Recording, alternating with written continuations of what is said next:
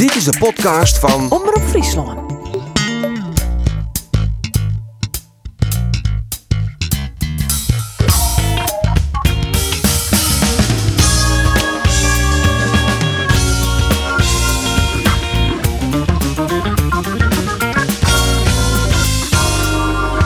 Zitten, mooi het betellen voetbal, midden in de simmerperiode. En dat betekent wedstrijden in Gaastelon sleert en koorsten tillen. Maar het is ook de periode van de boetekonskes en de tropische verrassing. Spielers waarvan het grote publiek nog neer van je het. Mijn naam is Arine de Boer en dit is de podcast van Omroep Friesland. Deze week weer op locatie, want we binnen te gast in het Abelensa Stadion. Tjenoe mij zitten Andor Faber en Geert van Thun en de trainer van SCRV.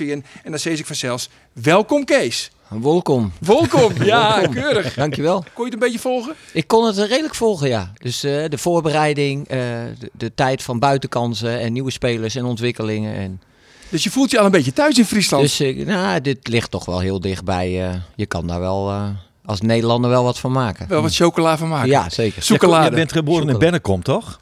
Nee, ik ben geboren in Bergen, Noord-Holland. Bergen. Maar je bent, ik heb iets van Bennekom, kan dat kloppen? Ja, daar ben ik eigenlijk vanaf mijn derde, heb ik daar gewoond, ben ik opgegroeid. Dan zit je daar in het, de, spraken ze daar een soort dialect of zo, dat, dat, voor, ons, dat voor ons onverstaanbaar Nou, is. het zal niet onverstaanbaar zijn, maar dat, dat heeft ook wel een beetje een, een dialect. Net zoals Limburgers, Brabanders Ja, ja, ja, en ja, Utrechters ja. dat hebben, ja. Ja, want daar ben je ook begonnen als, als voetballer. En volgens mij ben je daar ook ooit begonnen bij Bennekom als trainer. Nou, als trainer ben ik eigenlijk begonnen bij de jeugd van Feyenoord. Ik stopte bij Feyenoord als speler in 2004. Eh, en toen ben ik eh, daar eigenlijk bij de jeugdopleiding... eh, ben ik eigenlijk, heb ik mijn eerste stap in het trainingsvak gemaakt. En dat was toen met de, bij de B1, de onder 17, wat, zoals het nu heet. Met het elftal van Wijnaldum, Leroy Fer, Erwin Mulder. dat soort jongens zaten daar toen allemaal in. Dus dat waren mijn eerste stappen. En, en een jaar later ben ik richting Bennekom gegaan. Want wij zijn toen inmiddels weer terug verhuisd naar Bennekom. Eh, want ik heb in, in de tussentijd zeven jaar in Utrecht gewoond met mijn vrouw toen ik bij Feyenoord speelde. Toen hebben we een huis gekocht weer in, eh, in Bennekom. En daar hebben we eigenlijk, eh, daar zijn we, dus daar ben ik toen uiteindelijk bij de amateurs van Bennekom ook weer een aantal jaar trainer geweest. Ja. Ja. Maar zat het er eigenlijk altijd al in dat jij later, als je groot was, trainer wilde worden? Nee, dat zat er eigenlijk niet in. Ik moest daar heel erg aan wennen ook in het begin. Ik, eh, want ik wist niet zo goed toen ik stopte welke kant ik eh, op wilde. Of dat in de technische eh, kant was, hè, in, als technisch directeur bijvoorbeeld. Of, of als trainer zijnde. Of in de scouting. En ik ben gewoon een aantal dingen gaan doen en, en heb ervaren of dat bij mij paste. Of dat iets was wat ik, waar ik raakvlakken mee had. Want je hebt ook een scouting gedaan bij Feyenoord. Klopt, ja. Dus ik, ja, dus ik ben begonnen eigenlijk met eh, op het veld staan. Eh, gecombineerd met een stuk scouting bij Feyenoord. Uiteindelijk heb ik gezegd, nou ik ga nu even hiermee stoppen en ik ga terug naar Bennekom. Eh, en toen ben ik in een assisterende rol bij de amateurs van Bennekom. Ja. En uiteindelijk naar Twente gegaan op voorspraak van, of tenminste op de vraag van Erik ten Hag. Die zat daar toen als assistent. Nou ja, en toen begon een beetje het trainingsvak te, zich te waarom merkte u dat, nou ja, dat het trainingsvak dat dat wel dat dat u wel lag? Waar, waar merkte zeg u maar dat je hoor. Ah, waar, merkte je dat aan? Nou, je, je, kijk, als voetballer zijn, je hebt van jongs af aan heb je, heb je, ben je met voetbal bezig geweest. Toen ik vijf was, ben ik begonnen met voetballen. En eh, ik, ik, ik was een laadbloeier in het voetbal, dus ik kwam laat in het betaalde voetbal. Eh, heb uiteindelijk op het 22e v- eh, bij de, in de eerste divisie mijn debuut gemaakt bij NEC. Eh, uiteindelijk via NAC naar Feyenoord, Nederlands elftal. Hè, dus nog, nog een best een bijzondere carrière gehad. Eh, dus je kennis en je ontwikkeling zit helemaal in dat voetbal. Ja, dan vind je het leuk, of tenminste, dat moet je wel leren. Ik moest dat leren, maar dan is het leuk om je, je, de, kennis die je hebt opgebouwd, de ervaring die je hebt opgebouwd, om die te delen of te, eh, ja, te delen met, met spelers die, dat, die daar nog allemaal aan de beginfase staan. En op het moment dat je daar steeds meer gevoel bij krijgt, of het, of het eh, weet wa- waar het om gaat, wordt het ook steeds leuker. En dat, dat was vanaf het begin direct duidelijk van oké, dat ligt echt op het veld eh, als trainer? Of, eh, want je noemde net ook technisch directeur. Dat, dat was misschien ook wel iets geweest. Hoe ben je er dan achter gekomen dat het echt ja, die, die passie bij de trainer lag? Eh, Nou, dat was. Kijk, ik ben dus begonnen inderdaad bij de jeugdopleiding van Feyenoord. Daar heb ik eerst stappen gemaakt. Toen ben ik bij de amateurs van Bennekom heb ik dat gedaan. En ik, ik zat toen in een fase dat ik. Ik vond het wel leuk, maar het was ook niet zo dat ik nou heel erg dat heilige vuur brandde. Uiteindelijk ben ik toen gevraagd door Erik ten Hag in 2008 om naar Twente te komen. Eh, dat waren twee mooie jaren waarbij we in het tweede jaar kampioen voor het eerst in de geschiedenis werden met Twente. Met een Engelse coach. Heel veel van geleerd. Steve Eh, McLaren. Steve McLaren. Ehm, ik had toen nog steeds niet zoiets van: dit is echt eh, het ding voor mij, zeg maar, het trainingsvak. Ik, ik kom erin in weg. Ik, ik had er ook wel gevoel voor, maar echt bij mij dat ik het helemaal in mijn aderen voelde, dat had ik nog niet. En dat kreeg ik pas toen ik in 2015 wegging bij Twente. Toen ben ik eh, de onder 17 van het Nederlands elftal gaan doen. Ja. Drie jaar lang. De, eh, toen werd ik zelfstandig coach. Dus to- dan kom je aan het roer van een elftal met jonge, talentvolle spelers. Je moet die hele lichtingen in beeld gaan brengen. Je gaat je eh, via twee kwalificatietoernooien moet je je plaatsen voor een EK. En, en nou, dat is drie keer gelukt. We hebben drie keer een EK, een groot toernooi gespeeld. Het laatste jaar wonnen we hem. En sindsdien heb jij de bijnaam Casey Wonderboy. Nee, die is al eerder. Dat was, nog al, dat was al als speler bij Feyenoord. Daar kwam die eh, bijna vandaan. Maar nog even terugkomen op... eh, dus toen ik zelfstandig coach van dat team werd... Toen is bij mij eh, echt het heilige vuur van... God, dit is veel leuker, veel gaver. Want ik zit nu aan het roer. Ik kan richting geven aan het elftal, aan spelers. Aan, ik, je hebt veel meer eh, wapens in handen. En, en sindsdien is bij mij echt ook de ambitie of de, wens of de, de drive gekomen van... Ik wil straks ook zelf, zelfstandig een, een betaalde club gaan trainen. Nou ja, en toen ben ik dus via Go Ahead Eagles hier nu bij Heerenveen beland. Ja, want je zei net ook, hè, ik, ben een, ik ben een laadbloeier. En dat ging dan over je actieve voetbalcarrière. Maar ik kan nog herinneren dat ik op woensdagmiddag, dan fietste ik snel naar, eh, naar huis toe. Want dan was jij al op televisie, hè? Want ik kan me nog herinneren, Wiel Curver, ja, profvoetballer word je zo. Het is mij niet gelukt, jou wel. Hoe noemden we dat ook alweer? Hakken, kappen, draaien, Ja, kappen draaien. Ja, kappen draaien. draaien. En jij moest dat altijd eh, voordoen. Ik weet nog dat jij altijd heel goed kon kappen en draaien. Maar ik was fan van Jantje Michels. Want die kon echt eh, met een voorzet. En dan kon hij echt zweven in de lucht. Hij Omhalen echt maken. prachtige omhalen. Ben je via wielcurver het profvoetbal in terechtgekomen? Nou, niet via Wielcurver. Wielcurver is wel een belangrijke eh, trainer geweest eh, in mijn ontwikkeling als, als eh, talentvolle speler. Ik was, wat ik net al zei, een laadbloeier. Ik was, he- bleef heel lang heel klein. En hij, ik kwam met hem in aanraking en hij, hij, hij zag een, een speler voor zich. Ik was toen al eh, of 15. En maar dan zei hij, kijk, deze jongen kan die oefening al zo goed. Hij is nog maar 12. Oh ja, maar En dat- was gewoon wat klein van stuk. Ik was gewoon klein van stuk. dus hij eh, deed er een beetje zijn voordeel mee. Eh, maar we waren dag en nacht die oefeningen aan het doen. Want Dus hij dat- was een ongelofelijke fanaticus, hè? Ja, Daarin. ja ongelooflijk. Hij- Bijna een, hij- een niet mee te werken mens, zou ik wel zeggen. Want, want dat kun je niet bijhouden, volgens mij. Heel veel eisend. Hij deed Ja. alle oefeningen nog zelf voor. Zelf en als de ja, beste. ja. Hij was super elastisch. Hij leefde op pillen, want het was een- natuurlijk een hartpatiënt. Ja, hij was hartpatiënt. Eh, maar ongelooflijk gedreven. Eh, en het heeft me wel gevormd in die zin. Dat je dag en nacht, of dag en nacht, maar een groot gedeelte met kappen en draaien. En Ja. inderdaad de omhalen en het afwerken. En dat je daar aan Slijtingbroek bent. aan en dan de slijding. Ja, zeker in de regen op natte velden. Ja. Ja, dat, dat, dat, ja, dat helpt je wel een stukje in je, uiteindelijk in je technische bagage. Ja, absoluut, absoluut. Ja, we willen eh, soms ook wat, eh, wat interactie met onze, met onze luisteraars. Dus we hebben ook allemaal eh, gezegd, jongens, er zijn er nog vragen? Ook om deze podcast natuurlijk naar een wat, ja, wat hoger niveau te tillen. en eh, Johan Terpstra, die zei van, hoe gaat het eigenlijk met je? Dat was zijn vraag. Dus Dat ja, laten eh, we die gauw meenemen. Eh, een goede vraag, inderdaad. Die krijg je niet zo vaak. Dankjewel, Johan. Dankjewel. Ja, nee, het gaat goed. Eh, Dankjewel. Dankjewel. Eh probeer ik even op z'n Fries. Maar, maar nee, het gaat goed. Ehm, het is altijd een spannende periode. Als je als trainer zijn, en dat ben ik, bij een nieuwe club aan de gang gaat. Omdat ik ben iemand die voelt verantwoording. En je wil graag de club helpen naar een hoger niveau. Dat kan je natuurlijk niet alleen, dat moet je met elkaar doen. Maar om al die radartjes, hè, dus spelers, eh, clubleiding, staf, noem het allemaal maar op. eh, de kant op te krijgen om, om Heerenveen eh, zo goed mogelijk te laten presteren. Daarbij voel ik een bepaalde verantwoording. Dus dat is best even, in, zeker in de beginfase, wil je dan de boel zo goed mogelijk afstemmen. Dus dat is, dat is een beetje wennen en, en opstarten. Maar we zijn nu een week bezig en dat, dat geeft een goed gevoel.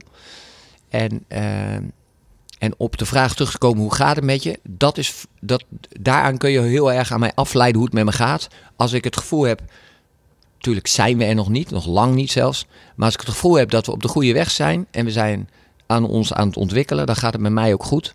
Want uiteindelijk gaat het dan iedereen goed. En dat is uiteindelijk wat je graag wil. Ja. En wat we met onze vorige club in Deventer ook, ook gelukt is. Dat je ziet dat in, na twee jaar de club gepromoveerd is. En dat heel veel mensen blij zijn dat ze naar eredivisie voetbal kijken. En, en dat ze genoten hebben van een hele hoop wedstrijden. En dat is wat je graag, tenminste wat, wat ik graag wil zien. En waar ik naartoe wil werken. En als dat lukt, dan gaat het heel goed met mij. ja, want jij bent eigenlijk net als Wiel Curver ook een, een veel eisende coach, heb ik begrepen. Ja, dat klopt. Ja. Ik vind dat je. De norm is voor mij de absolute top. Dus dan heb je het over eh, Liverpool, Atletico Madrid, eh, Manchester City. Eh, dat, is de, dat is de top. Dat is de, het referentiekader wat gevraagd wordt op voetbalgebied. En dat betekent heel hard werken, de zaken voor elkaar hebben. Dus dat betekent dat je ja, veel eisend bent naar spelers, maar ook naar je staf, naar jezelf, naar je omgeving. Om te zorgen dat, je, dat we allemaal zo goed mogelijk ons best doen om, ja, om zo goed mogelijk voor de dag te komen. In de staf eh, zijn wel wat veranderingen doorgevoerd. Heeft het iets met jouw komst te maken? Tuurlijk, uiteraard. Hè, waar- nieuwe mensen komen, eh, eh, worden er ook zaken aangepast naar de wens van een hoofdtrainer. Ja. Wil niet zeggen dat, ik, dat, dat alles in één keer helemaal overboord gaat. Maar de, de komst van een nieuwe performance man naast eh, Jeroen van Os die er al was. Ter ondersteuning om de spelers nog betere feedback te geven op, op data en fysiek voor te bereiden. Is, was een mens. En, en, de, en de komst van assistent-trainer Paul Simonis, waar ik de afgelopen twee jaar heel goed mee heb samengewerkt. Eh, dat, dat, eh dat willigde de club ook in. Dat zagen ze ook als ondersteuning naar mij toe. Waarom wilde je hem zo graag erbij hebben? Nou, omdat in de manier van werken, het denken over voetbal, het, het, hoe je training in wil richten, het is een soort verlengstuk van mij. Eh, en dat vind ik prettig, omdat je dan heel snel eh, een manier van werken kan volgen die, ja, die, zoals je dat wil doen. En daar is Paul een belangrijke eh, persoon in. Bovendien vind ik hem heel goed. Hij is enorm energiek. Ja, hij is dag en nacht bezig met, met voetbal, met, met ontwikkeling van spelers, het elftal. Dus eh, Hij is ook veel eisend. hij is zeker veel eisend. Wat ja. zullen die spelers doodmoe van jullie worden? joh? ja, die mogen best een beetje moe worden van ons. Hebben, ze al, hebben ze al een hekel aan jullie? Ja. Dat hoop ik niet. Maar nou, uiteindelijk hoop ik dat die spelers, dat heb ik vanaf het begin ook gezegd tegen hun. Ik hoop dat de spelers binnenkomen en dat ze een plan hebben hier. Dat, ze- dat ze binnenkomen eh, en dat ze weten van hunzelf wie ze zijn, waar ze goed in zijn, maar ook wat ze in moeten verbeteren, wat ze kunnen verbeteren. En dat ze niet alleen maar wachten op de input van de, van de staf, Nee. maar dat ze zelf ook eh, vragen stellen, proactief zijn, aan de slag gaan met hun eigen ontwikkeling. En wij kunnen hun daar een beetje bij helpen. Dus ik hoop dat zij ook veel eisend zijn naar Ja. hunzelf toe. Mag ik vragen, eh, wat trof je voor sfeer aan eigenlijk? Want, eh, want Heerenveen heeft natuurlijk best wel een apart seizoen achter de rug vorig jaar. Het was, het was eerst kommer en kwel eigenlijk. Er was hier, eh, eh, er was hier nogal wat zagrijn ook in de club. En dan komt er zo'n slotfase van het seizoen en hop, de, hele tent eh, kantelt om. eh, eh, we halen bijna play-offs, et cetera. Eh, eh, nou ja, wa- wat voor sfeer trof jij aan toen je hier kwam? Was dat nog die licht euforische sfeer van eh, ja, ja, we kunnen dat wel allemaal? Zo, hoe, hoe, hoe was nou, dat? ik heb wel twee gezichten gezien. Wij hebben natuurlijk in de winter, rond de winter, eh, met Go Ahead voor de beker hier tegen Heerenveen gespeeld. Ja, die wonnen jullie. Die wonnen wij. Toen speelden wij tegen een elftal. eh, want die hebben wij natuurlijk ook geanalyseerd, zowel vooraf als achteraf. Ja, daar zat geen vuur in. Er zat geen afstemming in. Dat, dat was siloos eigenlijk. Dat, dat is, was mijn eerste beeld. Silo's, ja. Eh, en, en daarna in de winter eh, heeft Herenveen natuurlijk ook die spiegel voor gehouden. En die hebben ook gedacht, ja, maar dit gaat niet de goede kant op. Dus die hebben uh, actie ondernomen. Uh, en die hebben veranderingen aangevoerd, zowel in de staf, maar ook uh, in, de spelers, in het spelersmateriaal. Er zijn mensen vertrokken, er zijn jongens bijgekomen. Ja. En uiteindelijk is er, na verloop van tijd, is, daar, is dat gekenterd. En dat is opgepakt door het publiek. En als je dan afzet tegen de laatste wedstrijd die wij hier hebben gespeeld met Go Ahead tegen Herenveen, toen zag ik vreugde, beleving, Zeg een ander Heerenveen enthousiasme. Ja, ja, Een, een ander Heerenveen. En dat is wat we met elkaar ook graag willen zien. En en zo wil je, zo wil je Heerenveen graag zien, met, die enthousiaste menigte erachter. heeft het nog aan bijgedragen dat je toch voor Heerenveen hebt gekozen? Of wat was eigenlijk de reden dat je hier zo graag naartoe wilde? Want ja, je was natuurlijk best wel populair in, uh, met, een geweldige prestatie met Go Ahead Eagles verricht. Legendarische wedstrijd daar in Rotterdam, die vergeet niemand ooit weer, denk ik.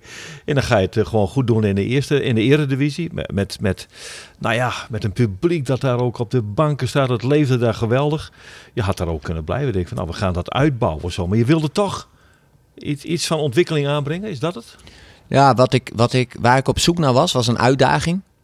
Uh, en die uitdaging die had ik bij Go Ahead zeker. Hè, wat, wat jij net schetst, de, dat beeld heb ik ook van Go Ahead. Dat was zeker prachtig om daar te mogen werken en, en de, de dynamiek met het publiek te hebben. Alleen uh, als je kijkt naar de beginfase was dat dan nog helemaal niet. Dat was ook bouwen, ontwikkelen, best wel, best wel kritische geluiden ook. Hè, van waar, ja. komt het ooit nog goed en, ja. uh, en lukt dat wel? En, uh, maar uiteindelijk is, dat, is die ontwikkeling zich, heeft zich ingezet. We zijn gepromoveerd in het eerste jaar met een beetje fortuin wat je ook nodig hebt. En in het tweede jaar zijn we als, als ja, gedoodverfde degradant zijn we erin gebleven. Uh, en hebben we uh, bijvoorbeeld met winst op Ajax uh, en uit gelijk spelen een aantal mooie wedstrijden kunnen spelen waarbij we terugkwamen van achterstanden. is er een dynamiek ontstaan waar het heel leuk werken was. Alleen die uitdaging die ik had bij Go Ahead om te promoveren, die was weg, want we waren gepromoveerd. De uitdaging die bij Go Ahead had om in de Eredivisie te blijven met een laag budget, die was ook weg, want dat was ons ook gelukt. Ja. Dus wat is dan nu de uitdaging bij Heerenveen? Nou, ik, ik, ik, ik vind Herenveen een, een bijzondere club. Een, een mooie club van oudsher. Uh, en, en ja, ik zie daar de uitdaging om, uh, ook al is het, is, is het niet meer de tijd wat het vroeger was, hè, met, uh, met, waarbij ze om Champions League plaatsen speelden, met een, met een begroting bij de, bij de topploegen. dat is niet meer, dat, dat weet ik ook wel. Maar ik vind het wel een uitdaging om deze club stap voor stap te helpen om, om, ja, om ook het maximale uh, te presteren. En is dat Europees voetbal, is dat dan misschien een stip aan de horizon? Van jongens, laten we dat vooral niet vergeten. Misschien is dat wel een doel over een x aantal jaren? Ja, ik, dat, dat, dat, ja, dat, dat is moeilijk te zeggen in op wat voor termijn dat reëel is en of dat reëel is. Je moet goed kijken naar de mogelijkheden van de clubs om je heen. Want die zijn natuurlijk ook niet van gisteren. Die zijn ook bezig met om zo goed mogelijk te presteren.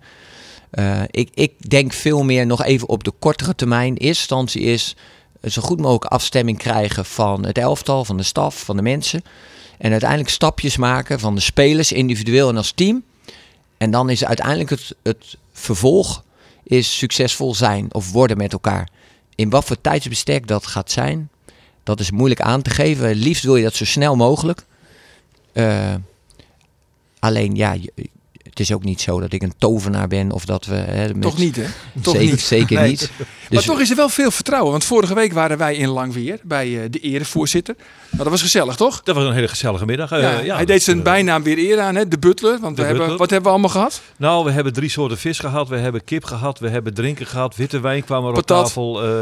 Lumpia's. En, en Lumpia's, een enorme schaal met ijs. Want ook nog. Riemer van der Velde blijkt een ijsliefhebber te wezen. Ik weet niet of je dat al wist, maar hij eet iedere dag ijs. Weten we nu van hem. Dat had ik begrepen, dat hij ook in ijs heeft gezeten. Maar dus... hij heeft ze ook verkocht natuurlijk, die ijskoop. Ja, het is een Mexicaantje oranje hoed. Uh, Caraco-ijs. Caraco Ontzettend Geweldig. goed. Precies. En ja. daarna ging ik heel snel weer terug naar mijn moeder, want die was jarig en toen gingen we gelijk barbecuen. Maar dit is alleen dus, maar uh, een tussenzin om te komen tot dat Precies. wat en hij zei wel, wat hij over jou zei. Ja, wat hij zei van, ik heb heel veel uh, vertrouwen in, in Kees van Wonderen. Nou, dat moet jou goed doen, want dat, dat zegt wel wat. Hè? Als de erevoorzitter vertrouwen heeft, nou dan... Dat scheelt een slok op een borrel. Heb je trouwens wel eens, heb je wel überhaupt al contact gehad met de Riemen van der Velde? Ja, ik heb Riemen wel een paar keer gesproken. Uh, en, en het is zeker uh, fijn om te horen dat mensen die belangrijk zijn geweest of, of zijn bij de club, dat die daar vertrouwen in hebben of vertrouwen uitspreken of dat steunen. Dat helpt altijd. maar er zullen ook ongetwijfeld mensen zijn die nog even sceptisch zijn of, of afwachten. Ja, dat is altijd zo. Dat is ook niet erg. Blijf het vooral kritisch volgen. maar ja, dit is, dat is prettig. En omdat Riemer is natuurlijk iemand die gepokt en gemazeld is in het voetballen. Die heeft voelsprieten, die weet, hè, die weet uh, ja, waar Abraham de Mosterd haalt. Die weet waar het in het voetbal om gaat. Dus als hij dat vanuit zijn onderbuikgevoel uitspreekt nou ja, dat, dat zegt mij wel iets. Ja. Dus dat is, hij, hij zei ook, dat was wel heel interessant, want dat is een beetje, dat, daar krijgen we nu mee te maken, of eigenlijk niet. Dat uh, Heerenveen had in de winterstop uh, stop Fluke moeten halen van Rode JC. Want dat was voor een redelijk bedrag, uh, zou, dat, zou dat kunnen. En nou, die vogel is over het net gevlogen, vindt Riemer. ben jij het met hem eens als het gaat om de kwaliteiten van Fluke, dat die hier hadden, goed hadden gepast? Had je hem graag willen hebben? Nou, het, het is met, uh, met talentvolle spelers en spelers die op de radar zijn en waar wij continu over schakelen wie er mogelijk bij ons uh, een optie zou kunnen zijn. Dat is zo'n dynamisch iets. Hè? Dus dat is, dan heb je te maken met wilde speler. Uh, welke club zit er nog meer achteraan te vissen? dus, het is zo'n moeilijk proces en, en dat is heel lastig om om precies aan te geven wat nou. Uh, want heel veel spelers wij, die je graag zou willen hebben, dat, dat, dat lukt vaak niet. Om verschillende redenen. Mm. Uh, en Fluke is een, is een uh, talentvolle speler die, die heel erg tussen de linies kan spelen. Dus ik zie zijn, zeker zijn kwaliteiten. maar het is nogmaals lastig om aan te geven waarom iets wel of niet tot stand komt. Ja, dat is ook zo. Ik ben nog wel benieuwd, want je vertelde net over, over de uitdaging. Als ik dan voor mezelf kijk, nou, we hebben het je net verteld, wij, Geert en ik volgen, volgen Cambuur. We hebben ook uh, de wedstrijden tegen Go Ahead natuurlijk gezien. En ik kan me nog herinneren, in het eerste jaar in de keukenkampioen-divisie uh, speelde Cambuur daar. Het werd een bloedeloze 0-0. Het was niet om aan te gluren. En uh, het meest bijzondere wat die wedstrijd gebeurde, was dat de vuurwerk werd afgestoken. Het was in coronatijd. En er werd boven de perstribune dak kwam vuurwerk op terecht. Dus wij moesten verplaatsen. Wij moesten naar nou ja, de, het hoogtepunt. de lekkere zitjes, zeg Van de wedstrijd weet hij overigens verder helemaal niks meer. Nou ja, uh, een hele stabiele organisatie. Een geweldige keeper met, met Jay Gorten natuurlijk, die record na record brak. Vorig seizoen werd Cambuur daar aan alle kanten weggeblazen door een energiek Go Ahead Eagles. Met inderdaad, ja, die Adelhorst weer vol, het publiek er weer achter. Is dat ook een ontwikkeling die misschien ja, parallel gaat aan wat je hier bij Herenveen gaat zien? Dus eerst ja, die organisatie optuigen, stabiliteit en van daaruit energie erin brengen. Uh, en nou ja, Cambuur of een andere ploeg van het veld te verblazen? Nou, dat is in, in het kort uh, wel de, de route inderdaad. Dus de, je gaat afspraken met elkaar maken om als team te opereren. En die, en die afspraak moet je op een zo goed mogelijke manier met elkaar uh, zien te bewaken. Uh, of of, of zeg dat, te laten groeien of tot wasdom te laten komen. Waardoor je elftal stabiel is en, en langzamerhand vertrouwen in elkaar gaat krijgen. En daardoor beter gaat presteren. Uh, en die route heb je voor ogen. Uh, maar dat kost, dat probeer ik vaak uit te leggen, dat kost tijd. Ik heb bij de, de sporters in Deventer, die hebben wel eens tegen mij gezegd: ja, maar jij krijgt van ons uh, zes tot acht weken. Dat is de voorbereiding. En dan moet het staan. En daarna niet meer. Dus uh, je kan het over 15 weken hebben of over 16. Daar hebben wij geen boodschap meer aan. Dan, nu, dan, nu moet het gebeuren. Ja. ja. alleen dat is niet de praktijk. Zo werkt het niet. Het kan, dat heb ik toen ook gezegd. Het, dat kan acht weken duren. Dat kan 12 weken duren, het kan 16 weken duren. Kan ook zijn dat het, dat het niet lukt, omdat er de chemie, omdat dat er niet uitkomt. Dat, hè, dat zien we ook gebeuren in het betaalde voetbal. Het is zo'n moeilijke, dynamische, maar ook een prachtig vak hoor. Maar het is, je hebt met mensen te maken en alle radertjes moeten net in elkaar vallen. En daar stop je iedere dag heel veel energie in. Uh, maar dat is inderdaad de route uh, zoals je het voor ogen hebt. En uh, en jij vergeet nog te benoemen dat wij de tweede wedstrijd van het seizoen, volgens mij moesten wij uit naar uh, Cambuur. 5-2. Dat was binnen, de, binnen nee. de kortste keren uh, stonden jullie plotseling, uh, stond Cambuur op vijf doelpunten op een bepaald moment. Nee, maar ik bedoel nog twee jaar geleden. Toen hebben wij daar, toen waren we net begonnen met een heel nieuw team. Toen moesten we tegen de absoluut gedoodverfde kampioen Die vonden jullie? En toen gingen wij vanuit de verdedigende organisatie spelen. Hè, ze noemden het betonvoetbal toen, Ja, wat wij ja, toen daar deden. Toen wonnen we eh, met 0-2 door een ingestudeerde vrije Ja. trap en een counter.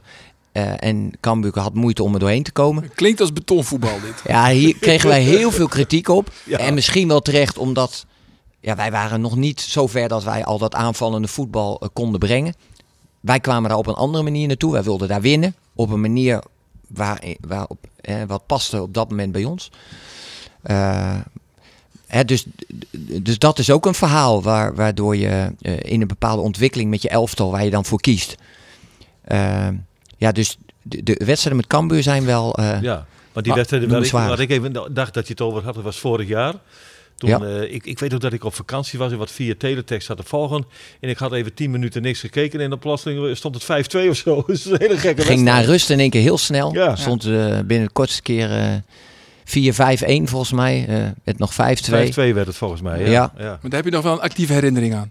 Ja, dat, eh, dat Ja, heb dat ik wel. zeker in herinnering. ja. Maar bet- betekent, eh, eh, betekent het ook dat de, de fans eh, van Herenveen ja, dat die misschien wat geduld moeten hebben? Dat niet nou ja, direct eh, het publiek misschien op de banken komt, omdat ja, die stabiliteit erin brengen nou eenmaal tijd kost. Net zoals bij Go Ahead Eagles. Eh, misschien is dat, zou dat het geval kunnen zijn. Dat, het, dat, dat het, het in elkaar vallen van het elftal. En we, we noemen net hè, een van de eerste wedstrijden uit bij Cambuur die wij met 5-2 inderdaad verloren. Eh, achteraf kun je zeggen, dat is wel... Het zijn niet de leukste eh, dagen, maar dat, dat soort dagen heb je wel nodig om als team eh, een stap bij te zetten. Of om te leren van datgene wat er gebeurd is. Ja. En je zo te ontwikkelen. Dat is een beetje wat het proces is. Dus ja, in hoeverre wij tijd nodig hebben of we het, de boel op elkaar, voor elkaar hebben.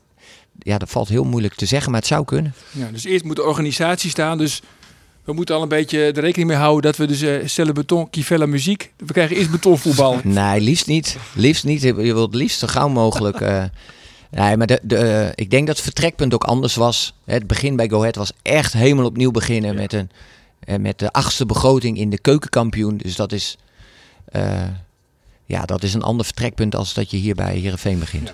Ik heb een aantal stellingen Juist. voor je, ik, ik, Kees. ik je dacht, je dacht, waar blijven ze? nooit over. Waar blijven ze? Ja, waar blijven ze, man? Nou goed, en laat het ook weer als kapstok dienen voor het eh, verdere, verdere interview. Moeten we er nog bij zeggen, eh, alleen ja, nee? Bij deze Zo dus. kort ja. mogelijk Zo kort Ja. mogelijk. En dan Oh, kunnen we er Oh, daarna mag terugkomen. overal op terugkomen. Ja, overal terugkomen, natuurlijk. We zijn coulant. De eerste. Heerenveen moet structureel bij de beste acht eindigen. Ja, Ik heb heel veel te danken aan Wiel Curver. ja, Ik sla straks geen wedstrijd over van de Oranje Leeuwinnen op het EK. Mm, nee. Ik heb Andries Noppert meegenomen, dus Xavier Maus is weer tweede keeper. Nee. Ik heb van nature heel veel geduld. Nee.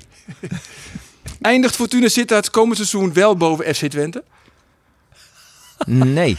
Dit gaan we je uitleggen straks hoor. Ja. Een tweede spits erbij heeft absolute topprioriteit. Ja. Toen ik Heerenveen in januari en februari zag voetballen, heb ik best even getwijfeld. Nee. Ooit hoop ik trainer van Feyenoord te worden. Nee. Nou, Geert. Oh. Nou, even over die tweede spits. Want, eh, wa- want eh, wat moet er nou gebeuren? Maar, er is, en hoe haalbaar is het allemaal? Van Hooijdonk, laten we het daar eens over hebben. Eh, is het een reële gedachte dat hij hier bij Heerenveen zou kunnen spelen in het komende seizoen? Of is dat allemaal een beetje te ingewikkeld met grote salarissen en Bologna dat ook nog wat wil is? Nou ja, wat ik net al schetste, dat is, dat, dat is best ingewikkeld in het voetbal. eh, omdat je te maken hebt in dit geval met eh, de speler Sydney. Je hebt te maken met Bologna en je hebt te maken met Herenveen. Dus dat zijn drie partijen die bij elkaar moeten komen. Is het mogelijk? Ja, het is zeker mogelijk. Want Zou hij je het willen? Als trainer? Ja, zeker. Van wat dan ook. Zeker, hij heeft hier natuurlijk vorig jaar al gespeeld. Hij heeft het hier goed gedaan. Dus een jonge eh, speler, talentvolle speler die energie brengt. Ja. Eh, die, die waar nog heel veel eh, rek in zit in, in de zin van die kan nog heel veel beter worden. Van der Velde was trouwens Ja. eh, wel kritisch, hè? Ja, van der Velde, over- van de- Velde heeft gezegd van laat hem, eh, laat, hoeft niet, niet doen. Nee, hij mist gewoon echt eh, voetballend aan de bal. Want Heerenveen, nou ja goed, vanuit het verleden... Ik weet niet of jij er ook zo over denkt... maar die hebben altijd wel een voorkeur voor de zogenaamde kapstokspits. Hè? Aanspeelbaar eh, over de grond, bal vasthouden... en dan van daaruit verder gaan voetballen. Hij vindt het, het voetballende vermogen van Sidney van Hooijdonk onvoldoende. Nou, Sydney heeft zeker, eh, het is nog een jonge jongen, eh, die heeft zeker op, op dat vlak, kan die echt nog eh, winst halen. Maar als je kijkt naar de pluspunten van Sydney, hè, dus in houding, in werkethiek, in scorend vermogen, in de complementair zijn aan de mensen om hem heen. Heeft Leeftijd. leeftijd. dat zijn allemaal dingen die, die voor hem spreken. Dus nee, ik, ben, ik ben daar positiever over dan, eh, dan Riemer in dit Ja, geval. dat is Ja. helemaal geen probleem. Ja, en vind jij dan ook dat dat een ideale combinatie is met Amin Sar en Sidney van Hooijdonk? Dat die echt ook, nou, wat je net ook al aangaf, complementair zijn aan elkaar? Ja, dat, dat heb je het afgelopen half jaar gezien. Hè, dat ze elkaar aanvoelen. Eh, de, eh, met met eh, Sydney als, als vaak als eerste aanspoelpunt. Met, met Amin die, die daar zijn ruimte omheen kan zoeken. Ja, dus dat, die vulden elkaar aan. Dus in dat opzicht eh, ja, ben ik daar positief over. En het is voor Herenveen niet makkelijk, maar het, het, zou, eh, het behoort tot de mogelijkheden financieel gezien. Ja, maar, maar ook qua salaris. Want ja, ik weet niet of je hem dan wil gaan huren of dat je hem misschien kan overnemen.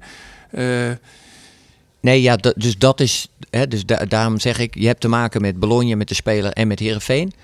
is dat financieel. ik, hè, wat dat, nou ja, vorig jaar is het ook gelukt, dus het, het is haalbaar. Alleen ja, een aantal partijen zal water bij de wijn moeten doen. Ja, maar zal het wel weer een huurconstructie worden, denk je? Dan? Of, of, of Ja, dat- een echte, echte transfer? Dat een- zit er wel. eh, het ziet het er wel naar uit, maar. eh, ja, ik. Het zou ook zo kunnen zijn dat, eh dat Sydney de overstap maakt naar Herenveen. Maar ja, dus dat hangt helemaal af Voor van. hem voor, als voetballer, hè, even afgezien van al die, die toeters en bellen die er allemaal bij komen, is het toch voor hem veel beter om hier te komen. Hij, hij, krijgt hier, hij kan hier spelen. Hij kan hier echt stappen maken. Hij kan altijd nog. Ja, dan gaan die jongens die gaan voor, voor een zak centen maar weer naar Bologna. Dat is hartstikke leuk. En dat is een geweldig land, Italië. Maar hij komt amper een speler toe. Daar word je als voetballer niet beter van. Hier, hier moet hij. Ja, aan de andere kant, je hebt ook zijn. voorbeelden waarbij het wel lukt. Jerry Schouten bijvoorbeeld heeft zich eh, daar in de basis gespeeld. Ja, Maar ja, is nu international Ja. en die kan naar Inter en AC Milan als je de, de maar- verhalen mag geloven. Ja, het is, wat jij zegt klopt. Eh, alleen er zijn ook heel veel voorbeelden. Ik ben het Ja. met je eens. Eh, er zijn ook heel veel voorbeelden van jongens die te lang, Te snel. Ja, maar die, die, die te lang op een podium blijven zitten. Die niet aansluit bij waar zij eh, zitten qua Ja. hun voetbalontwikkeling. Ja.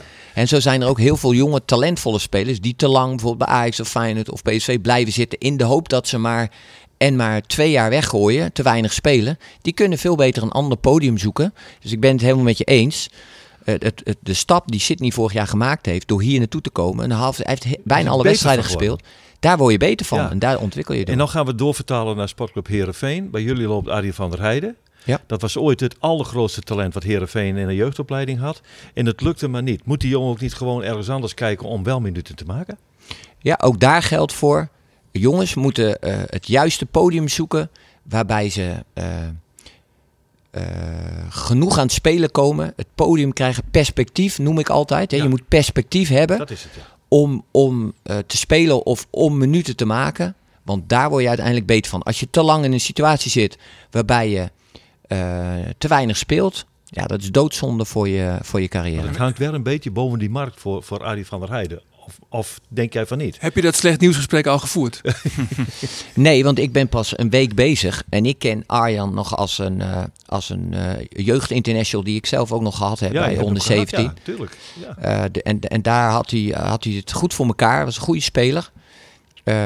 Dus ik ben aan het kijken eh, waar hij zich op dit moment bevindt. Eh, heeft hij perspectief om bij Herenveen te gaan spelen? Eh, geeft hij zichzelf dat perspectief aan ons? Eh, of is het beter voor hem dat hij een eh, niveau zoekt waarbij, wat beter aansluit bij, bij zijn eh, niveau op dit moment? En ja, daar is nu nog te vroeg voor om, om daar al iets Wat, over te zeggen. geloof jij in, in, de, in, de, in de stelling even een stapje terug om later twee vooruit te doen? Dat dat wel eens beter Ja, zijn? zeker, zeker.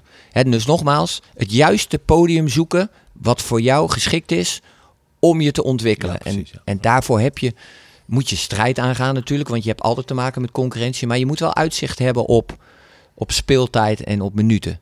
Ja. Kun je- Ja, maar ja, kun je het is die een situatie- voor hem natuurlijk. Kun je die situatie misschien ook kopiëren voor Rami Alhash? Want die eh, ook jong, talentvol, eh, maar komt ook eigenlijk niet echt aan spelen toe. Is dat het, hetzelfde als bij Arie van der Heijden? Gaan jullie ook kijken van, nou ja, wat, wat is het perspectief en eh, wat is zijn podium? Ja, zeker. Ook voor Rami geldt. Eh, je, je, je moet niet te lang in de situatie zitten dat je te weinig speelt. Dus je, zult, je, je gaat je ontwikkelen op het moment dat je in staat bent om jezelf een spiegel te kunnen voorhouden. Dus heel goed kijken naar waar ben ik goed in en wa- wat mis ik nou nog. Lukt het me om die, die zaken te verbeteren of om daar een tandje in bij te zetten? En lukt het me om eh, minuten te krijgen of te maken eh, daar waar ik zit? Eh, eh, eh, zit ik daar niet, moet ik zorgen dat ik ergens anders naartoe ga. Om weer eh, een stapje terug, inderdaad, Ja. om er weer twee eh, vooruit te maken. Ja, perspectieven voor die beide jongens hangt natuurlijk ook heel erg af van het systeem. Hè? Want Arjen is natuurlijk een echte specifieke linksbuiten. En Rami is natuurlijk een echte, een echte middenvelder. Ehm, en daar komen ook heel veel vragen over binnen. Want welk systeem gaat hij nou eigenlijk spelen? Ja. Ja, ik zeg dan altijd, het systeem vind ik niet zo eh, belangrijk. Ik denk dat in het huidige voetbal, als je om je heen kijkt, bijvoorbeeld het Nederlands elftal, eh, je moet kunnen variëren. Je moet als speler in staat kunnen zijn, als speler, als team, om je aan te passen aan wat de omstandigheden vragen. Eh, dus ook tijdens een wedstrijd. ook in een wedstrijd zelfs, ja. Eh, om, om er zelf beter van te worden. Dus de, de, de oude tijd, zoals het vroeger was, met...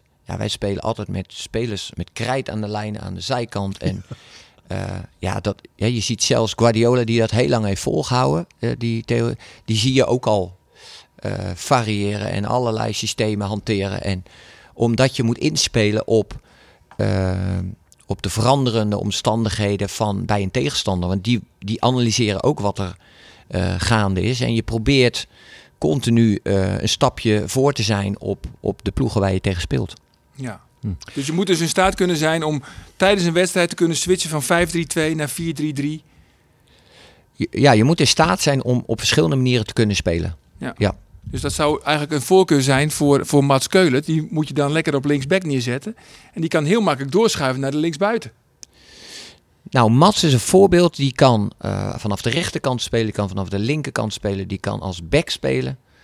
Eh, die kan in, ja, dus dat is, als je dat kan, eh, Louis Vergaal noemde ze vroeger polyvalente spelers. De, die hebben trainers graag, want dan kan je ja, op verschillende manieren. Maar het allerbelangrijkste is, is, eh, in een elftal, in het formeren van hoe ga je spelen of hoe ga je dat invullen, zijn de, de kwaliteiten van je bepalende spelers. En die wil je in hun kracht hebben, zoveel mogelijk. En zo ga je kijken van hoe, hè, dus om dat zo goed mogelijk in te wie, vind, wie zijn op dit moment dan de bepalende spelers bij Heerenveen?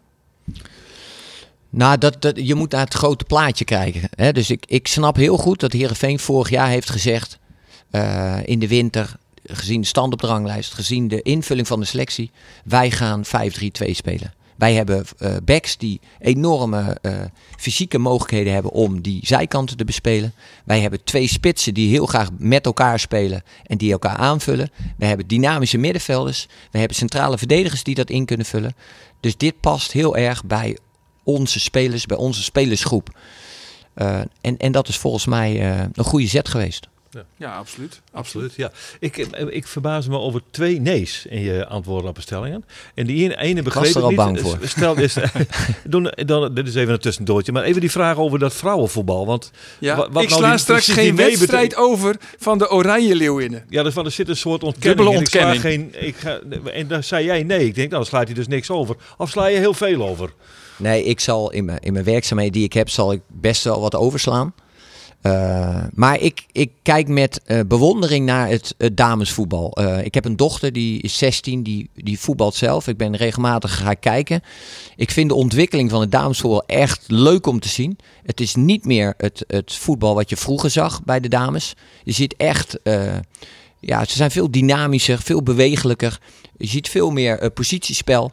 Doet jouw dochter trouwens ook het voetballeerplan voor de ideale voetballer of niet? Nee, Nee? nee die heeft haar eigen leerplan. Oké. Nee, maar wij moeten het damesvoetbal niet vergelijken met mannenvoetbal. Nee, Want dat dat, moet je als je dat gaat doen, dan, dan, eh, dan, ja, dan kom je bedrogen uit. Maar je moet het in de ontwikkeling zien. En, en die is hartstikke mooi. Er zijn steeds meer dames die gaan voetballen. En die ontwikkeling is echt eh, nog steeds volop gaande. De volgende nee, die verbaasde mij echt wel, moet ik eerlijk zeggen. Want eh, de vraag was of je ooit trainer van Feyenoord wilde worden. En toen zei nee. Ik denk, hoe is het mogelijk? Hij is, hij is landskampioen geworden met die club. Heeft u even Cup gewonnen met die club. Heeft de meest fantastische ding. Eh, je bent international geworden volgens mij. Ja, daar wil je toch trainer voor worden in de toekomst of niet? Ja, dat klopt. Maar deze vraag wordt me zo vaak gesteld. Eh, en daarom zeg ik bewust nee, omdat ik ben daar niet op aan het jagen. Eh, het is ook niet iets wat in mijn hoofd zit. En dat heb ik ook al eerder gezegd. Wat ik hartstikke leuk vind, is ook om in andere omgevingen te gaan werken. eh, om daar eh, onderdeel van het, van het geheel te worden. En dan noem ik even, ik ben naar Twente gegaan. Daar had ik geen verleden als speler of als trainer. Ik ben naar de KNVB gegaan. Daar had ik geen verleden als trainer of speler. Naar Go Ahead, daar kwam ik ook blanco binnen. Nu bij Herenveen uh, ook hetzelfde. Maar ik vind dat prachtig, want je komt in een andere omgeving met andere inzichten, andere geluiden. Uh, en, en natuurlijk is de link met mij als speler van Feyenoord vroeger gemaakt. Ja. Dus dan is ook de optelsom... Dat is niet zo gek, want het was een succesvolle nee, periode. maar ik vind hem ook te makkelijk om dan te zeggen... ja, jij hebt daar gespeeld, dus dan ga, word je daar ook trainer. Uh, nee, ik vind, ik vind een andere richting... Kijk, het is een prachtige club uh, met een rijke historie. Ik heb daar een mooie, belangrijke periode meegemaakt. Ja. Maar uh, met, ja, ik hoef, niet, ik hoef niet per se te jagen op, op, een, uh, okay. op die nou, functie. Duidelijk. Goed. Ja. Neem even een slokje water, Kees. Gaan we het eventjes over Cambuur hebben. He? Toch, jongens? Want, uh, je mag meepraten, hoor. Je mag, uiteraard. Want Sylvester van der Water, duurste aankoop uit de geschiedenis. Ja. Hoe hebben ze, wie heeft het eigenlijk betaald? Uh, de club. Ja, niet Betje van der Brink? Uh, dat mag je niet meer zeggen. Oh nee, mag geen meneer van der Brink. Uh, dat, nou ja, daar, hij heeft natuurlijk geïnvesteerd in de club. Van wie mag het eigenlijk niet? Bertje trouwens? nou, dat was denigrerend, hebben wij gehoord. Wie, wie zei dat ook alweer? Ja, dat, of Art de Graaf. Oh, nee, nee Henk de Jong. En Henk de Jong. Oké, okay. ja, ja, meneer van der Brink. Uh, die heeft natuurlijk geïnvesteerd in de club, uh, in het stadion. Uh, maar dat geld dat nou ook, nou ja, van Cambuur is, dat op hun rekening staat, maakt dat ze, nou ja, makkelijker geld kunnen uitgeven, omdat het er is. Um, maar dat is niet zeg maar geoormerkt voor daadwerkelijk het stadion. Nou ja, daar kun je natuurlijk een beetje ja. creatief mee omgaan. Dat doen nee, ze dus. Ja, ik denk dat dat, ja, dat wordt creatief besteed volgens mij. Maar goed, okay. het gaat om een bedrag tussen de, tussen de, nou ja, laten we zeggen 5 en 7 ton. Uh, wat voor Cambuur natuurlijk enorm veel is. Voor Van der Water. Voor Van der Water, ja. ja. Nou ja, Geert, jij weet het, want jij loopt al uh, 35 jaar bij de club. Dat, dat, dat is nog nooit uitgegeven, zo'n bedrag. Nee, ik, uh, wij moesten lang zoeken hè, voordat we... Was het, was het ja. Bert Konterman? Ja, Konterman volgens mij. Ja, Jaap Stam, dan gaan we... Jaap Stam. En Jaap Stam maar dat was nog vrij, dacht ik. Maar dat was nog in de gulden tijd. Ja, dus, gulden tijd was, en Jaap Stam kwam van Zwolle en was bepaald nog niet een uitblinker bij Cambuur. Was hij hem bijna in het eerste jaar het stadion uitgejaagd, hoor. Ja. Maar het is natuurlijk... Toen kwam hij, hè? Het is wel... Uh, ja, het is Cambuur 2.0 wat er nu gebeurt. Ze betalen zoveel voor, voor een speler. Ze zijn nu bezig met een, een keeper van Everton. Een 22-jarige Portugees die ook uh, jeugdinterlands voor Portugal heeft gespeeld. Dat is lekker dan met de communicatie achterin. Zie. Nou, hij, speelt, uh, hij speelt bij Everton, dus hij kan, uh, hij kan Engels gaan vanuit. ja, ze, ze bevinden zich in een volstrekt andere positie. dat maakt dat, dat jongens bij de club willen blijven. Mees Hoedemakers en Alex Bangura, waarvan eigenlijk toch wel gedacht werd van ja, die worden verkocht deze zomer. Ja, die staan open voor een langer verblijf. Uh, ja, er gebeuren echt dingen. Het is een hele nieuwe situatie. Uh, ja, dat is toch mede mogelijk gemaakt door uh, Bert van der Brink. Ja. Maar het is dus niet zo dat hij opnieuw, opnieuw de, de portemonnee getrokken heeft en gezegd van nou ja, hier heb je zes ton voor Van der Water. Nee, dat is het niet. Het is niet zo dat hij opnieuw extra heeft geïnvesteerd. Het is met de bestaande middelen gedaan die Cambuur heeft. Ja. Wat vind jij eigenlijk van Sylvester van der Water? Nou, hij heeft het bij uh, van Almere naar, uh, naar Heracles gegaan. Uh, toen de stap naar Amerika gemaakt. Het is een uh, creatieve buitenspeler met snelheid. Dus het is een, uh, ja, ik vind het wel een goede speler. Ja. Ja, ik krijg ook wel ja, een hele creatieve ja, ja, jongen. En in Leeuwarden zijn ze er blij mee, denk ik. Ja, dat denk ik wel. Maar hij, hij ging toch heel gek weg bij, uh, bij Heracles. Daar kwam hij gewoon in. Ik heb er geen zin meer in hoor, ik wil hier weg. Ja, want hij wilde naar Amerika. Zo, hij wilde naar Orlando. Dat vond ik niet heel netjes van hem. Zo moet je toch eigenlijk niet met elkaar omgaan. Nee. Maar nee. ik ben ook weer de politieke correctheid onder Uiteraard. het gezelschap natuurlijk, weet ik wel. Henk de Jong zei, hij past heel goed bij Cambuur, want het is een brutaaltje. Het is een, ja. Dus uh, ja. nou ja, dat is natuurlijk het, het, het volkse karakter dat Cambuur heeft, zou dat goed kunnen passen. Je kan ook zeggen het is een tokkie, maar het is, het is een brutaal. Het eufemisme van Henk Jong, dat heeft hij weer goed gedaan. Ja, ja Ferry de Haan die gaf aan, er moeten nog uh, zo'n vijf tot zes versterkingen komen. Oh, ik dacht dat we over Cambuur zaten te praten. Oh, wil je nog meer over Cambuur zeggen? Ja, dat weet ik niet, maar uh, als dit het is, dan... Ja, ik wil ook nog wel iets over Cambuur horen. Ja, ja nou vertel nog even over Cambuur. Ja, nou, ja, oh, ik, als ik hoorde jou over de keeper praten. Ik begreep dat Sonny Stevens toch misschien ja. behouden zal blijven? Sonny Stevens heeft zich nog steeds niet uitgesproken wat hij wil. Oké. Okay. En dat is, en ik heb wel het idee dat Cambuur de druk een beetje het voor Ja, we gaan niet op jou wachten, Sonny Stevens. Wij gaan uh, gewoon onze eigen gang. Dat het ook wel een beetje een signaal is. Ze hebben Robin Ruiter nu, eh traint mee, hè? dat weet je. Ja. oké. Als tweede keeper Als is hij is- beoogd. Kijk, ze hebben één keepertje nog. En dat is Brett Minema. Dat is een talentvolle jongen, maar is heel jong. Eh, Pieter Bos is afgehaakt, heel sneu vanwege die hartklachten die hij had. Ja. Eh Andries Noppert zei, ik ga lekker met Kees mee naar Heerenveen. Dus die kwam niet. En, eh, nou ja, en toen moest er toch een keeper komen. Dan hebben ze Robin Ruiter gehaald. Nou, nog niet gehaald. Die traint mee. Dat Ja. is wat een mededeling is. Dat is ook nog niet. Ze En wat ik me nog even afvoer is de gezondheid van Henk de Jong. Want die heeft toch wel... eh, hij heeft hartstikke mooi werk geleverd daar. Ja, En eigenlijk nog. Heeft, eh, ja, wat je hoorde was het toch wel eh, zorgelijk, wat eh, Ja. de constatering. Is even, heeft een stap terug moeten doen. Ja. Hoe, hoe is... Hoe is Nou ja, hij heeft dus een kieste in zijn hoofd. Ja. En die kieste die zit er en dat is een gegeven. En dat is, hoeft in principe niet een belemmering te zijn om te kunnen functioneren. Wat hij moet doen is toch wel wat stress vermijden. En een leven leiden wat eh, een beetje eh, een versnellingje lager is dan wat hij deed. Dus wat hij nou doet is, zijn agenda heeft hij afgegeven aan een eh, medewerker die, medewerkster die hem daarin in, in, eh, helpt, zeg maar. Hij wil eigenlijk nog een nieuw telefoonnummer, want er wordt niet meer gestolen door die 28.000 eh, supporters die hem overal voor willen inhuren. Dus dat soort dingen, dat moet hij allemaal achter zich laten. En dan kan hij, eh, dan kan hij heel goed functioneren. Maar hij is nou weer volledig... En hij, is, hij doet heel volledig volledig zijn werk. hij ziet er goed uit en hij is fit. En hij, we hebben hem twee weken geleden in de podcast gehad. Hij is echt geweldig. Ja. Ja, op Ameland. Ik was op Ameland bij trainingskamp en dan, dan zie je hem ook weer rondlopen en eh, spelers aan de mouw trekken en een geintje uithalen. Dus je ziet ook echt weer de, de oude Henk de Jong. Ja. Dus dat is voor Cambuur natuurlijk wel heel dat, mooi. hij, eh, eh, dat het eigenlijk gekke werk was waar hij van het winter heeft gedaan. Dus door terug te keren. Dat ging echt helemaal mis. Ja. Nou, je gunt hem wel dat hij weer in zijn oude doen komt. En dat kan doen wat Ja. hij eigenlijk het liefste doet. Hè? Dus omgaan met, eh, met een groep en met een club. En, eh, ja.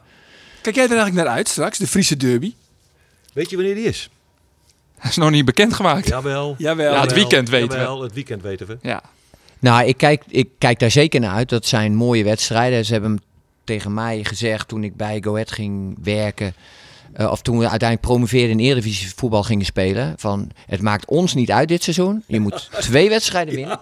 En dat is die tegen Zwolle, hè, de Ahead Zwolle. Ja, dat is ons gelukt twee keer. Eh, dus dat betekent heel veel eh, voor de regio en voor de mensen. Dat, is, dat vind ik hartstikke leuk, want dat heb je op alle niveaus. Ook in de amateurwereld heb je de derbies. En, de, en dan gaan de emoties gieren tot... de- tot, de- tot Ook bij Bennekom? ook bij Bennekom heb je Wat dat. is de Ja. derby voor Bennekom Nou, vroeger was dat Lunteren. Oh, Lunteren natuurlijk. Ja. En later kreeg je bijvoorbeeld eh GVV, de, Ja, eh, of, of Dovo, wat, de, de, de buren een beetje. Ja. Eh, dus eh, soms eh, ga- schieten we er te ver in door. Ook met bijvoorbeeld Nederland-Duitsland. Want vroeger schoten we daar te ver in door. Dus de, de, de sportieve strijd vind ik mooi. Tot een bepaald niveau. En ik zei ook, eh, ik heb toen ook tegen, het, hè, tegen de achterban gezegd. Ik hoop ook oprecht dat Zwolle in de Eredivisie blijft. Omdat je dan twee keer weer zo'n mooie IJsselderby hebt. Eh, waarom zou je eh, het leuk vinden dat zo'n ploeg degradeert? En zo moet je er volgens mij in zitten dat het mooi is om zo'n derby te spelen. Ja. Met alle emoties van dien horen er allemaal bij. Oké. ja. Maar, eh, Nee, maar dat- Marco- maar het misgunnen, dat, dat, daar heb ik veel minder mee. Nee, Marco van Basten heeft een keer gezegd, een wedstrijd is alle anderen. Ja. Hm. Het is geen Het is- Champions het League, is hè? geen Champions League, hè. Het is een wedstrijd is alle anderen. Nee, het ging is, het een beetje Dat was een bagatelliseren. beetje, beetje, dat was er ook een beetje naast, Ja. zal ik maar zeggen. Hè? ja. nou, het, is, het, is, eh, het zijn twee van de, van de 34, dat snap ik. Alleen het mooie daarvan wel is, is het sentiment en, de, en de, wat daar allemaal bij komt. Dat maakt juist het voetbal mooi, vind ik. Het is Ja. de laatste wedstrijd voor het, eh, de, de WK-stap. Kijk, November. kijk dus Ja. je gaat of heel positief Juist. die winter in. Acht weken lang die winter in, Ja. hele lange Ja. winter in. Of Of het het wordt een hele lange lange zit.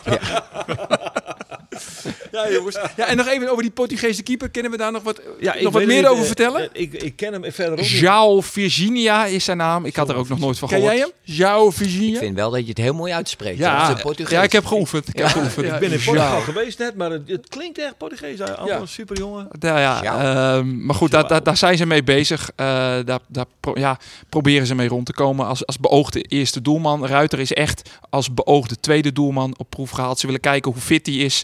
Um, en in eerste instantie echt als tweede keeper. En verder, ja, het is de tijd. Uh, Arjen zei het net ook al van een, een, hele hoop geruchten ook. Ik hoorde vanmiddag de naam van uh, Luca de la Torre van Heracles. Um, die heeft een contract voor één jaar, maar heeft eigenlijk met Heracles afgesproken dat hij daar weg mag. Um, en wil eigenlijk in de eredivisie blijven. Nou ja, dat zou ook een speler kunnen zijn op het middenveld voor Cambuur. Ik dacht, nou ja, is dat misschien ook nog wat voor jullie? Want het is een hele bedrijvige, dynamische middenvelder. En we hebben het vorig jaar meerdere malen gehad over een type Jamie Jacobs. Volgens mij is hij ook wel een beetje zo'n type. En toen hadden we het er ook over dat Herenveen zo'n type eigenlijk niet Jamie echt Jacobs vind ik meer een loper die ook voor de goal komt. En die Luca de Torre is volgens mij meer zo'n zo'n bezige bij. Die ja, maar die, die, die blijft ook maar gaan. Technicus. Die blijft ook Technicus, maar Wel ja. een technische jongen. Maar inderdaad, uh, Maar ze gaan wel, hè? Het is, uh, blijft hij lopen. Oh, ja. man. Ja. Ja. En Is dat, is, dat bij ook, de- is dat iemand die bij jullie op de radar staat ook? Dat, de Lator is een, is, een, uh, is een interessante speler, zeker. Uh, technisch vaardig, inderdaad, loop, loopvermogen. Ja. Uh, alleen is een speler van Heracles en daar, daar hangt dus een kaartje, een prijskaartje Is mee. Spanjaard? Uh, een Amerikaan, officieel een, een voetbal-Amerikaan. Volgens mij heeft hij een Spaanse vader. Dus Oké. bij Habla twee nationaliteiten. Un poco. Un poco. En ik had nog een naam, Osama Sarawi. Jij bent ook scout geweest. Hè? Staat die ook, eh, is die inderdaad in beeld bij Heerenveen? Sarawi zegt mij zo 1, 2, 3 niks. Nee? Nee. Oké, nou dan eh, gaat hij weer Of ze de- houden hem heel goed verborgen voor mij. Ja, dat zou of, kunnen. eh, of ik heb iets gemist. In de Dus verborgen het, eh, doos van, eh, van Ferry. Het wordt Sarani. Sarani, het wordt Sarani. ja, ja. Nog even terug naar die spits. tsch. We hadden het over eh, Van Hooijdonk. Eh topprioriteit. Tenminste, dat maak ik op uit je woorden. Jullie willen hem heel graag houden. Eh, gokken jullie alleen op een paard van Hooijdonk? Of zijn er meerdere paarden waar jullie op, op gokken, op wedden? In de nou, spits. wedden is niet zo handig voor een club. Om, eh, nee, dus daar moeten we tegenwoordig mee oppassen. Dat doen we niet. Nee, maar eh, dat is misschien ook wel eens goed om uit te leggen hoe dat nou gaat. Eh, de scouting bijvoorbeeld, er wordt heel vaak gewezen naar scouting. Hebben hun lijstjes niet op orde of eh, hebben geen plan B. Of, maar het is zo'n moeilijk, moeilijk iets. Natuurlijk heeft elke club en Heerenveen ook hun, hun zaak op orde. Er worden, zijn spelers, daar zijn lijsten van per positie. Er zijn allerlei jongens in beeld. Alleen die hele lijst, eh, dan, heb je, dan moet je ze afgaan van is het haalbaar? Eh, willen ze? Is het het juiste moment? Kunnen ze betalen? Dus er zijn allerlei eh, voorwaarden die moeten voldoen. Wil een speler, wil dat lukken om zo'n speler aan te trekken? En vaak lukken heel veel van die opties niet, die je wel uiteraard ook voor ogen had. En kom je uit op een andere optie die je zo 1, 2, 3 niet verwacht had. Maar het andere komt ook voor. Hè? Van, nou, je, hebt, je hebt een lijst van een man of vier. En de nummer twee, bingo, die wil komen. En, en dat lukt. Dus het is een heel dynamisch iets. eh, wat op de achtergrond speelt. Met zaakwaarnemers, met clubs, met, ja, met, met allerlei belanghebbenden. Die zorgen of een deal uiteindelijk voor elkaar komt of niet. En wat is dan jullie allerbelangrijkste argument om een speler over te halen om naar Heerenveen te gaan? Nou, zijn kwaliteiten. En dan kun je discussiëren, maar wat zijn dan zijn kwaliteiten? Nee, maar om hem over Waarom- waarom om hem over te halen. moeten kiezen voor... Jij, jij hebt contact met een speler. Ik zei, nou zal ik jou eens precies vertellen... waarom jij moet kiezen voor Sportclub Heerenveen. Wat voor argumenten kom je daarmee? Nou, dat, dat ligt eraan om welke speler het gaat. Maar eh, d- wat we net bijvoorbeeld geschetst hebben. Er zijn bijvoorbeeld jonge, talentvolle spelers die op een niveau zitten waarbij ze te weinig aan het spelen komen. Eh, wat, wat wij dan zeggen is van kom naar Heerenveen toe. Hier krijg je eh, het podium of je zit heel dicht bij het podium. Hier heb je veel meer perspectief om jezelf door te ontwikkelen. Eh, anders dan bij de club daar op de bank te blijven zitten. En eh, een goed salaris opstrijken, maar niet verder te komen. Dus een argument zou kunnen zijn: je krijgt hier speeltijd. Je gaat je hier ontwikkelen. We gaan met je aan de slag. Eh, hè, maar, maar voor andere spelers geldt weer een ander argument. Ja. Ja. En garanties bestaan niet voor niemand. en hè? garanties bestaan niet. Nee. Terugkomend nog op mijn vraag. eh Sidney van Hooijdonk is dus niet de enige spits die op jullie lijstje staat. Nee, dat, dat lijkt mij niet. Eh, omdat eh, je, je niet zeker weet en afhankelijk bent van of, of dat lukt of niet. Dus je, je zult altijd meerdere eisers moeten hebben. eh, om uiteindelijk een goede invulling van je selectie te krijgen. Ja. Ik zat net nog even in het papier. Ik denk, ik kijk nog even die stellingen. Moeten we het nog ergens over hebben?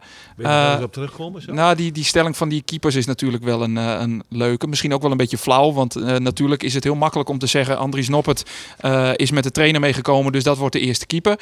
En het is ook heel logisch dat je daarop nee zei. Want dat ga je natuurlijk nu niet zeggen... als dat ook al wel het geval zou zijn. Ehm, hoe lastig is dat? Want ja, dat, van de buitenkant wordt er natuurlijk nu al zo naar gekeken. Ja, ja, die gaat met de trainer mee, dus die gaat keeper. Die zou wel een streepje voor hebben. Ja, ik, sn- ik snap dat dat gedacht en gezegd wordt. Hè. Eh, jullie maken de, die conclusie of die optelsom, dus die snap ik.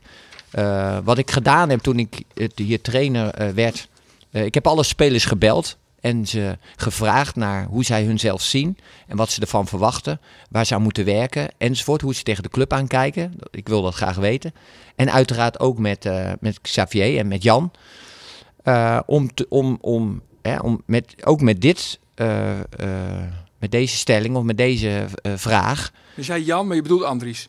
Nee, Jan Jan, Bekkema. Oh, Jan keeper. sorry, excuus. Ja. van, van eh, wa- wat is je perspectief en hoe kijk ik ernaar? En tuurlijk heb ik met Andries gewerkt. Andries heeft heel lang op het tweede plan gezeten. Bij, heeft heel lang moeten wachten voor zijn kans. Uiteindelijk kwam die kans en hij heeft, eh, hij heeft geleverd. Hij heeft het laten zien. Hij heeft stappen gemaakt. Eh, hij is een jongen waar die, waar die hier is, is die groot geworden eigenlijk. Hij komt daarna terug. Maar het is voor mij geen uitgemaakte zaak dat hij de eerste doelman is. En uiteraard haal ik een doelman waarbij ik vertrouwen in heb. Waarbij ik gezien heb eh, waartoe hij in staat is. Eh, maar ik denk dat Xavier ook een meer dan goede keeper is. En zij mogen het samen uitvechten. En het is mooi dat wij twee goede keepers hebben.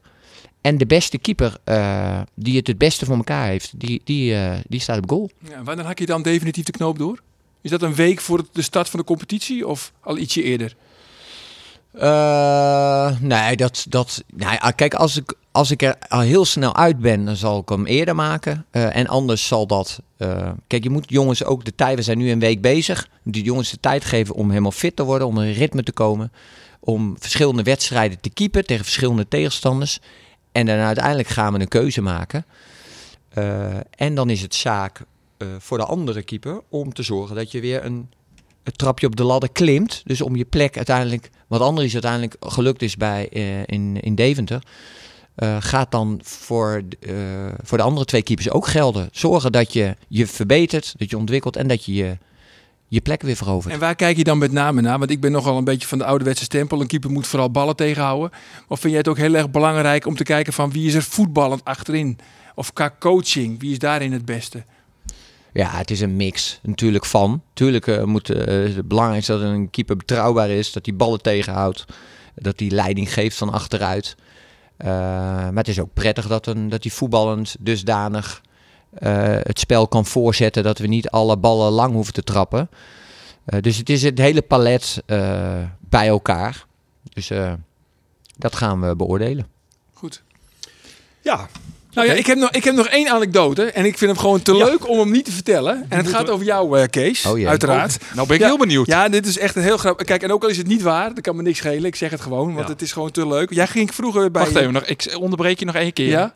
Vanochtend, wij hebben elke maandag sportvergadering. Dan be- bespreken we wat gaan we doen deze week. Eh, toen zei Arie, ik heb toch een leuke anekdote, maar ik ga hem jullie nog niet Nee. vertellen. Dit nee, is wel een eh, trigger dit. Dan Dit is een trigger. Ja. horen jullie hem voor het eerst. en we stellen wel hem ook nog even uit. Ja. Want we moeten Kees nog even vertellen over die vraag van Fortuna en FC Twente. Oh ja. Onze geachte Ja. collega Roelof de Vries, die nu ziek is, die heeft vorig jaar voorspeld dat Fortuna Sittard eindigen zou boven FC Twente. Ja, dat Dat schijnt dat het niet gelukt is. Fortuna had in het, in het begin van de competitie had Fortuna van Twente gewonnen.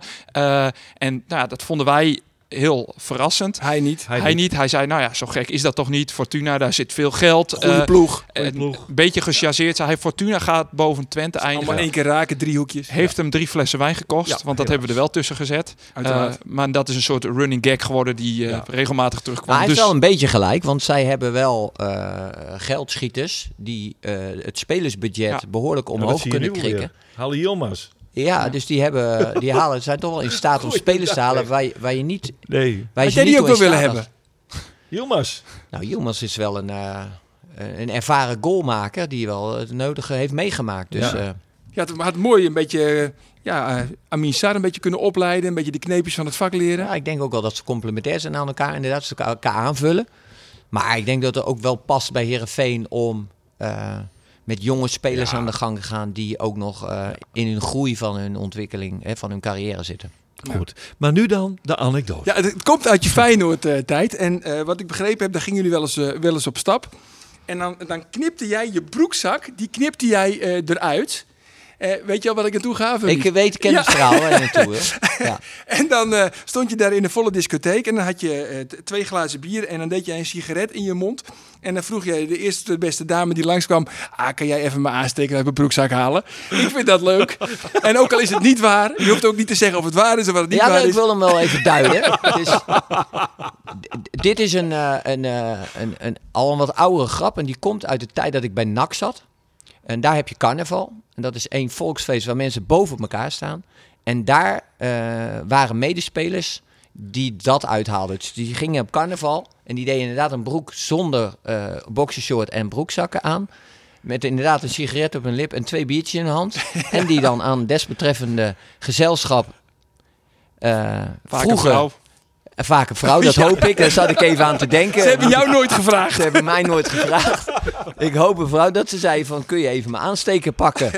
Dus die, ja, die, die wordt aan mij geleerd, maar dat, dat is niet helemaal correct. Maar, eh, dus ik ken, eh, ik ken de anekdote. Ja, is wel prachtig. Ja, toch? Potverdikke, wat heb ja. ik wat gemist vroeger, man. Ja, had ik dit geweten. Het kan nou allemaal niet meer. Het is nou strafbaar. Maar heb je, heb je hem ooit uitgehaald? Of, eh, want- Ik heb hem zelf niet uitgehaald. Nee. Nee, Oké. Nee. Ik heb wel andere, zelf andere kattenkwaad en eh gollen uitgehaald. Maar Gooi er eens één in. dat zijn hele andere, hele andere Oké. Voorbeelden. Maar eh, we krijgen, eh, wil je een voorbeeldje geven? Ik bedoel, nu we toch Nou, bezig zijn. Ik denk niet dat dat... Dit is eh, alleen luisteraars van boven de 18. Ja, Ja, precies, precies. dus dan kan het. Precies, ja. wij, wij zetten dit weg als de beroemde voetbalhumor. Ja. Ach ja, zo is het. Zo is het. Jongens, ik denk, eh, we zijn er wel doorheen. Ja, Wil je nog ergens op terugkomen, Kees? Eh, ik zit even te denken. Volgens mij niet. Volgens mij hebben we eh, alles wel redelijk besproken. Jongens, dan, eh, dan sluit ik weer af in het Friesk. Om het weekend, dan ben we er vanzelfs weer. Want de podcast, In de simmer, echt. die is er altijd.